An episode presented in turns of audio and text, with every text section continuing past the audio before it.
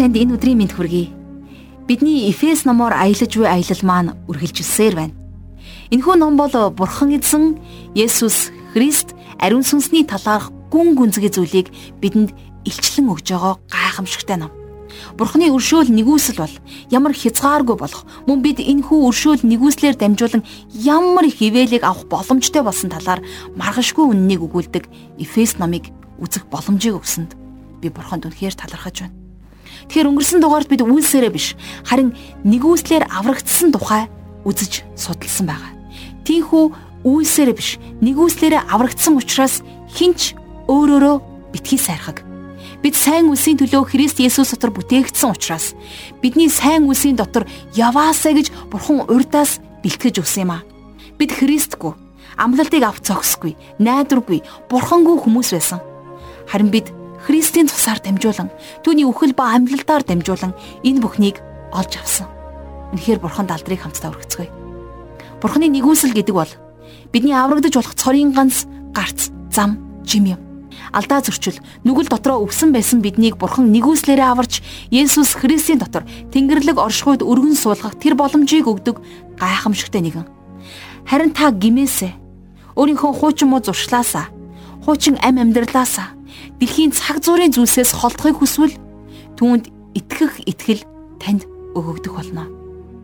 Магадгүй сонсон байгаа та хараахан итгэгч хүн биш бол Бурхныг заавал ирж хайгаарай. Ягаад тэгэхээр та түүнд итгэж болно. Тэр энэ дэлхийн ертөнцийн хамгийн бодит найдвартай нэгэн учраас зүрх сэтгэлийг тэнд хизээч гонсойлохгүй гэдэгт итгэлтэй байж болно. Өнөөдөр гим нүгэл олон хүний зүрхэн дэх асуудал оюун санааны боолчлогч нь болсон байгааг та бид харж байна. Гим нүгэлдээ боолчлуулсан учраас зарим маань баяр хөөргийг мэдрэхгүй хар дарсан зүүч шиг л амьдралаар амьдарч байна. Тэгвэл энэ цагт тэдгээр хөөрхилтэй хүмүүсийг бурханд өргөж хамтдаа залбирцгаая. Тэдэнд сайн мэдээ хүрхийн төлөө Тэдэнд аврал өгөгдөхийн төлөө тэд үүнийгээ хүлээн авч шинэ амьдралаар амьдрахын төлөө хамтдаа хичээлийн ихэнд залбирцгаая. Хайртай бурхан аав минь таньда талархал өргөн залбирч байна. Тийм ээ та бол бидний амар тайван юм аа. Та үнэхээр бидний амар тайвны ханхүү. Тантай эвлэрэх эвлэрүүлэл аль хэдийнэ Есүс Христээр дамжин бүрэн хийгдсэн Тэр загалмайгаар дамжуулан амар тайвныг тогтоогоо зогсохгүй. Өөрт нь итгэвэл түүний дотор байж шинэ хүн болох тэр бүхий боломжийг бидэнд дүүргэж өгсөн.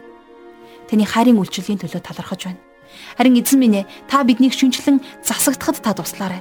Та өөрийн хязгааргүй өрөвч нэгүүлсэнгүй зүрх сэтгэлээс ундран гарч байгаа. Тэр нэгүслээ гим нүгэлтэд бидний дээрээс ямарч эргэлзээ, ямарч саадгүйгээр халбилан асгадаг билээ. Тиймээс эзэн минь ээ итгэл бол бидний авралыг авах ганцхан боломж итгэл нь сонсохоос сонсох нь Христийн үгээр ирдэг гэж таны үгэнд хэлэгдсэн байдаг.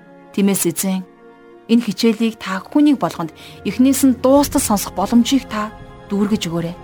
Сайн мэдээнд чихтэвдэг хүнийг болгонд та итгэлийг дүүргэж өгөөч. Хичээлийн энэ цагийг таны мотор дүргэж эзэн Есүсийн нэрээр залбирanгуйж байна. Амен. Ингээд хамтдаа жаргалах шиг хичээлд анхаарлаа хандуулцгаая.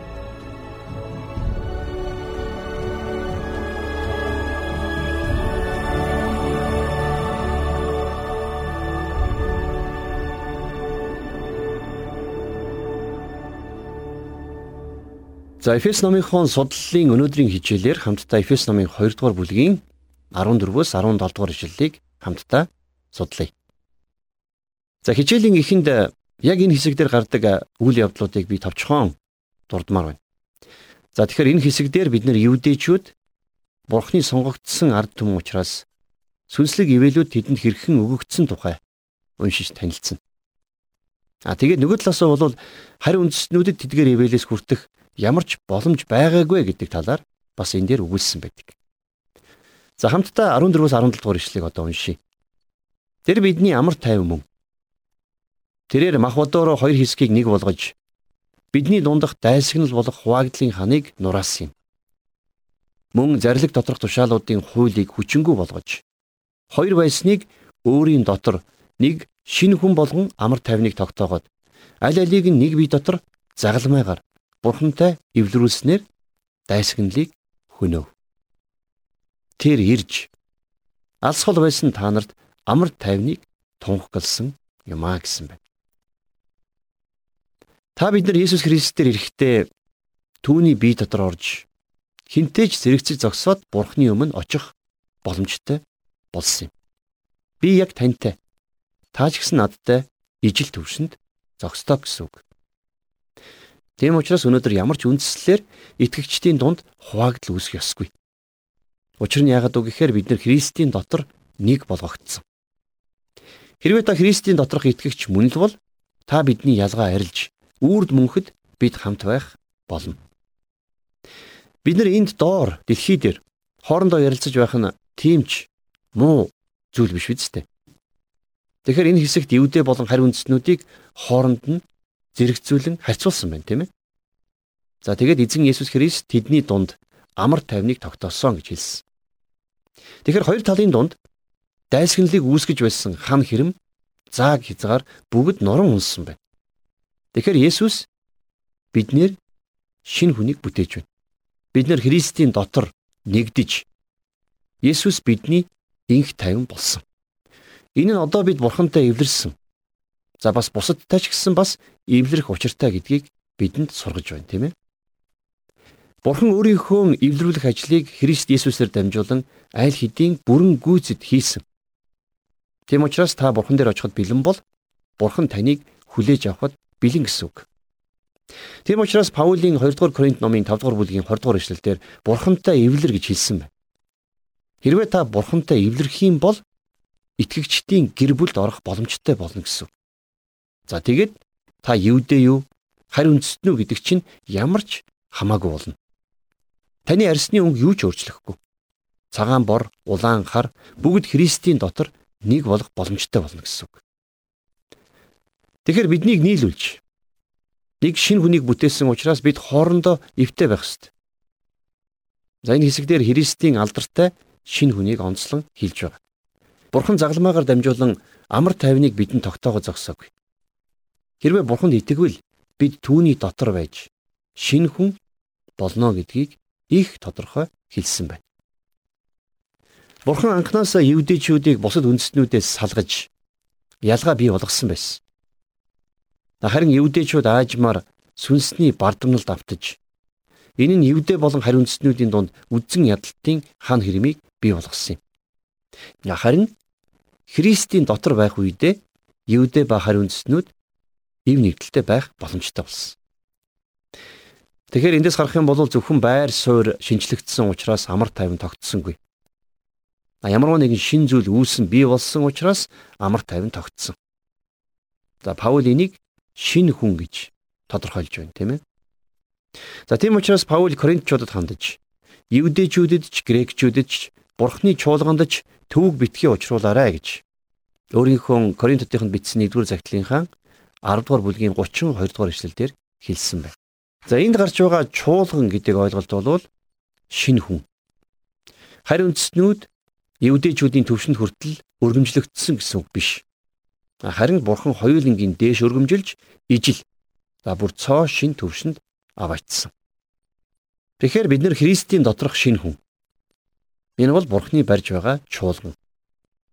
Харь үндэстнүүдийг евдээчүүдийн зиндаанд хүртэл өргөмжилсөн гэхээс илүүтэйгээр евдээ ба харь үндэстэн яг адилхан гим нүгэлттэй учраас евдээгийн доошлуулад харь үндэстний төвшөнд аваачсан гэж хин нэгэн хэлэх баг. А үнэн дээр бид нар бүгдээрээ л Адамын хөвгүүд болох нүгэлт ахан дүүс шүү дээ. За энэ талаар Ром хотынд бичсэн загтлынхаа 3 дугаар бүлгийн 9 дугаар эшлэлдэр Паул хэлэхдээ Тэгвэл бид яах вэ?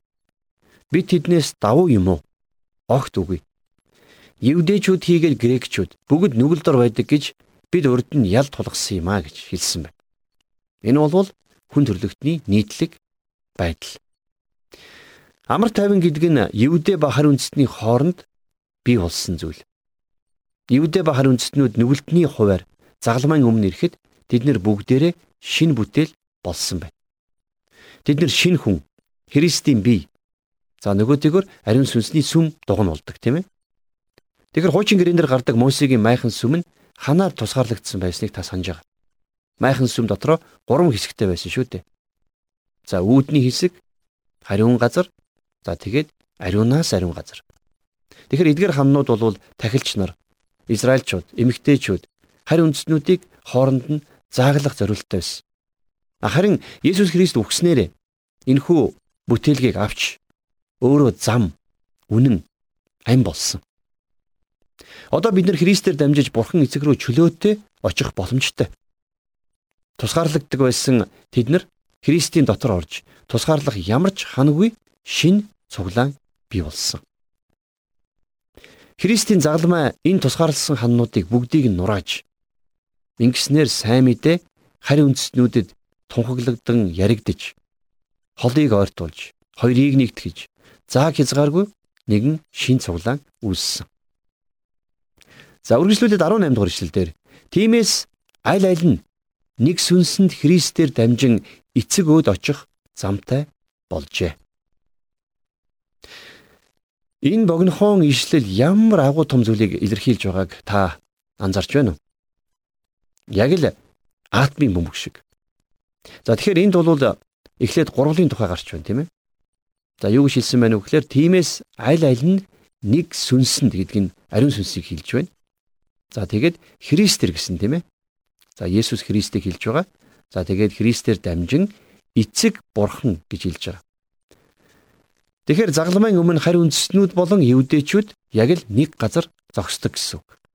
Ямар ч ялгаа байхгүй, ямар ч төвшин байхгүй. За Христээр дамжин хоёулаа бурханд ойртох хэрэгтэй болсон. Энэ бол бидний хувьд гайхамшигтай сайхан завшаа. Ром номын 5 дугаар бүлэг дээр Паул итгэлийн зөвтгөл нь хүн болгонд боломжтой гэдгийг их тодорхой хэлсэн байна.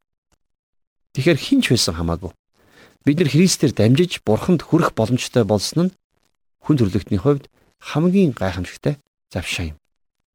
Харин энэ нь хин дуртай ничхүр сонжуургүйгээр шууд Бурхны оршихуйд гүгээд очихно гэсэн утгатай гэж би бодохгүй байна. Харин бидэнд Есүс Христээр дамжин Бурхан эцэгт ойртох бодиттой гац завшаа байгаа гэдгийг хэлж байна. За тэгэхээр хүн болгон Бурхан дээр очих тэгш адил эрхтэй байх нь тийм ээ. За үргэлжлүүлээд 19-с 20 дугаар ишлэгийг одоо уншийе. Тийм бол та нар цаашид гадныхан болон ирмэл хүн бус харин ариун хүмүүсийн адил нутгийн иргэд бөгөөд бурхны гэр бүлийнх юм а. Та нар илч болон иш үзүүлэгчдийн суурин дээр босгогдож байгаа бөгөөд Христ Есүс өөрөө булангийн чулуун ажээ. За харин үндэстнүүд хэдийгээр евдээчүүдийн хувьд гадны хүмүүс байсан ч гэсэн Одоо харин тэдний энэ байр суурь нь өөрчлөгдсөн гэдгийг Паул хэлсэн байна. Тэд нар одоо нэгэнт харь хүн гадны хүн байха болсон. Харин яг ариун хүмүүсийн нэгэн адил Бурхны гэр бүлийн гишүүд болсон. За тэгэхээр энэ дээр ариун хүмүүс гэдэг нэр томьёо гарч ирж байна. За ариун хүмүүс гэдэг бол хуучин гэрээний үед амьдарч байсан ариун хүмүүсийг хэлээг. Харин үндснүүд шин гэрээний евдээ ариун хүмүүсийн хөрш иргэд. Тэд нар бол Христийн биеийн гишүүд. За мэдээж тэд нар Бурхны гэр бүлийн гишүүн буюу гэрийн эзэд. Гэхдээ тэд нар зарцнаар биш юм. За тийм учраас 1-р Иохны 2-р бүлгийн 12 дугаар эшлэлдэр бяцхан хүүхдүүдээ нүгэлч нь түүний нэрийн учир уучлагдсан учраас би та нарт бичиж байна гэж бичсэн байна. Энд гарч байгаа бяцхан хүүхдүүд гэдэг бол бид нар. Энэ бол бидэнд өгөгдсөн шинэ харилцаа За энэ шинэ харилцаа хуучин гэрээний хувьд бол гадных тооцогддог байсан харилцаа. 2 дугаар Самуэль номын 7 дугаар бүлгийн 8 дугаар эшлэлдэр Бурхны зөргсдөглийн дагуу хүн болох Давид хүртэл миний зарц Давид гэж нэрлэгдсэн. За бас тооллого номын 12 дугаар бүлгийн 7 дугаар эшлэлдэр Мосег мөн миний зарц гэж Бурхан хэлсэн. Харин одоо энэ иргэний харьяалал зөвхөн Израильд биш, дэлхийн Иерусалимд биш, харин Тэнгэрт байна. Филиппо номын 3 дугаар бүлгийн 20 дугаар эшлэлдэр харин бидний иргэний харьяалал Тэнгэрт байгаа бөгөөд тэндээс бид аврагч эзэн Есүс Христийг хүлээж байна гэж хэлсэн байна. За тэгхийн бол бид нар хөрш иргэд байх нь. Бид нар энэ цаг үед Тэнгэрт харьяалагддаг. За Паул хэлсэн байна тийм ээ бид нар элч нар болон иш үзүүлэгч нарын суурин дээр баригдаж байгаа гэж. За энэ бол их чухал ойлголт байгаа маа. Элч нар болон иш үзүүлэгчид биеэрээ суур болсон гэсэн үг биш шүү. Эртний чуулган сургаалаа элч нарын сургаал дээр суурилсан байсан гэсэн үг. За Үлс номын 2 дугаар бүлгийн 42 дугаар ишлэгийг харах юм бол тэд элч нарын сургаалд мөн нөхөрлөлд, талах хуваалт, залбиралд өөрсдийгөө зориулдаг байлаа гэж бичсэн байна. За энэ бол анхны чуулганыхны хийдэг байсан зан үйл тийм ээ. Харин хордох ишлэлдэр иш үзүүлэгч нарын талаар нэмж өгүүлсэн байна. За тэгвэл эдгээр хуучин гэрээний иш үзүүлэгч нар эсвэл шин гэрээнийх үү?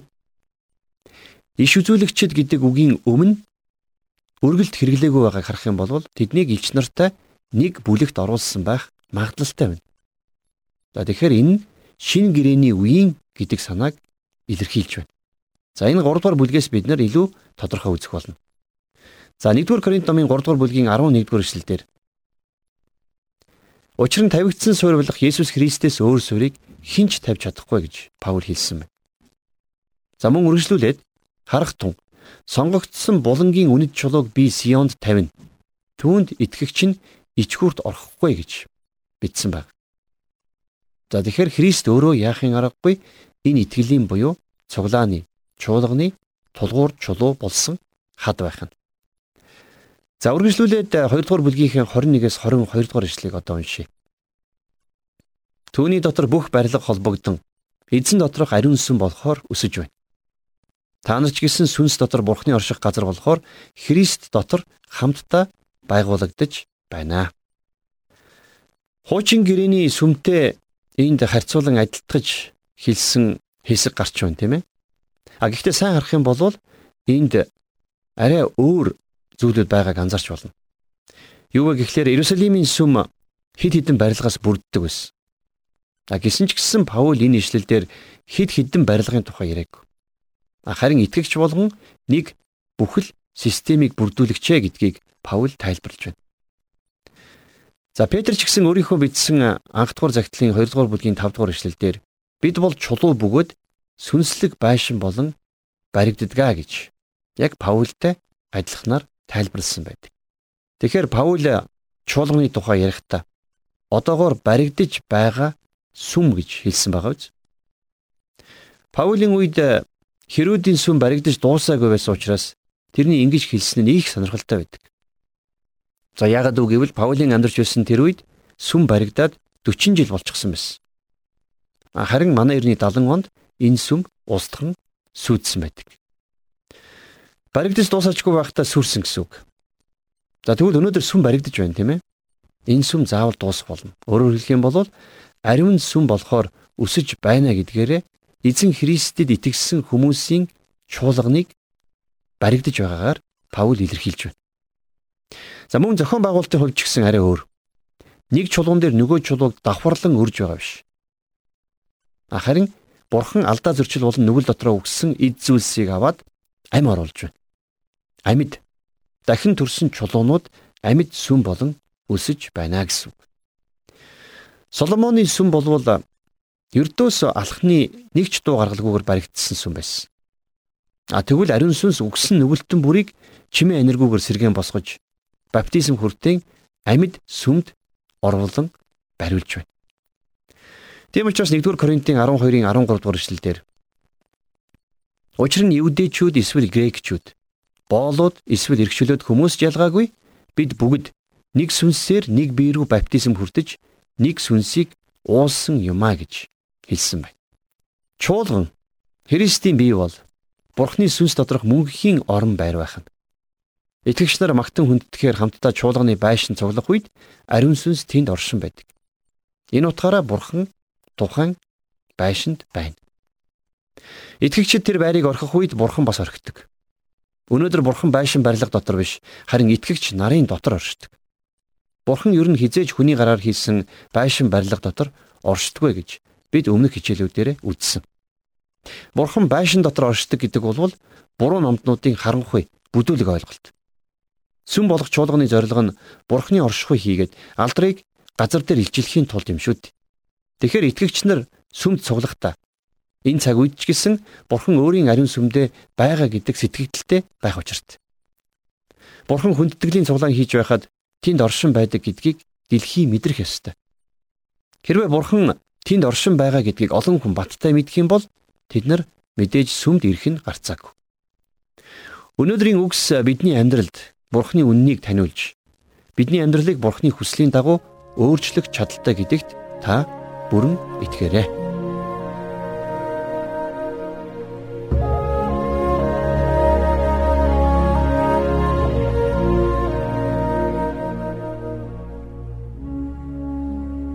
Тэгэхээр бид Христийн дотор хэдийнэ шин хүн болгогдсон, шин бүтээл болсон.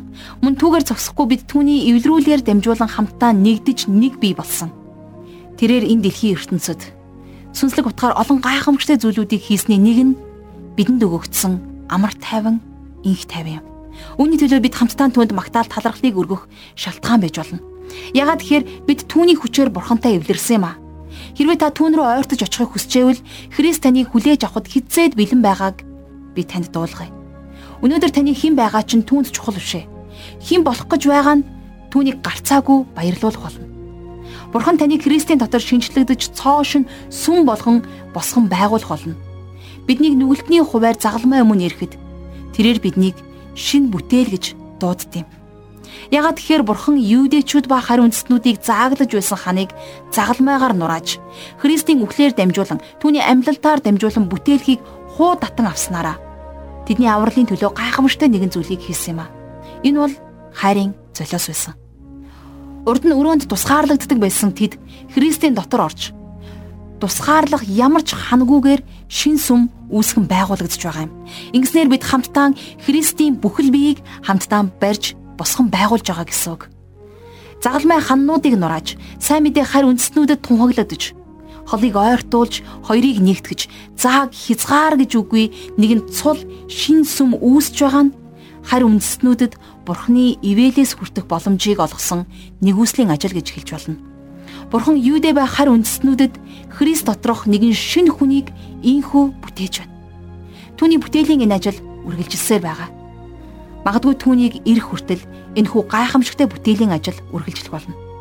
Тэгэхээр өнөөдөр бид чуулганы хадан суур болсон Христээр дамжин Бурхан эцэгтэйгээ чөлөөтэй ойртож болох тэр замтай болсон нь үнэхээр ивэл ерөөл юм. Энэ хүрээд өнөөдрийн хичээл маань өндөрлөж байна.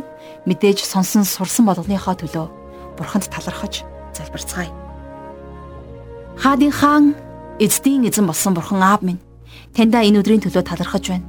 Энэ газарт ирээд бидний амь амьдралыг утга учиртай гэрэл гэгээтэй болгосонд баярлалаа аваа амьдралд минь хийсэн хийж байгаа мөн үргэлжлүүлэн хийх бүх зүйлийн төлөө таньда бид талархал магтаалыг өргөж байна.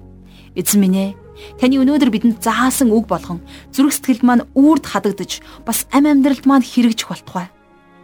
Бид танд оюун бодлоо зүрх сэтгэлээ ам амьдралаа өргөн даатгаж байна. Танд хэрэглэгдэх ариун сав суулга байхад та биднийг удирдах шинчлэн тас сэргээж өгөөрэй хагарах газар бүхэнд хагарч таны анхлын үнэртэй тэр тосыг асгаж авралын сайн мэдээг салхи адил тархаахыг бид хүсэж байна. Их эзэн минь таны хүсэл тэнгэрчгээ энэ газарт биелэлээ олох болтугай. Таны хүсэл тэнгэрчгээ энэ газарт биелэх болтугай. Бүх зүйлийг танд өргөж эзэн Есүсийн нэрээр залбирanгуйж байна. Амен.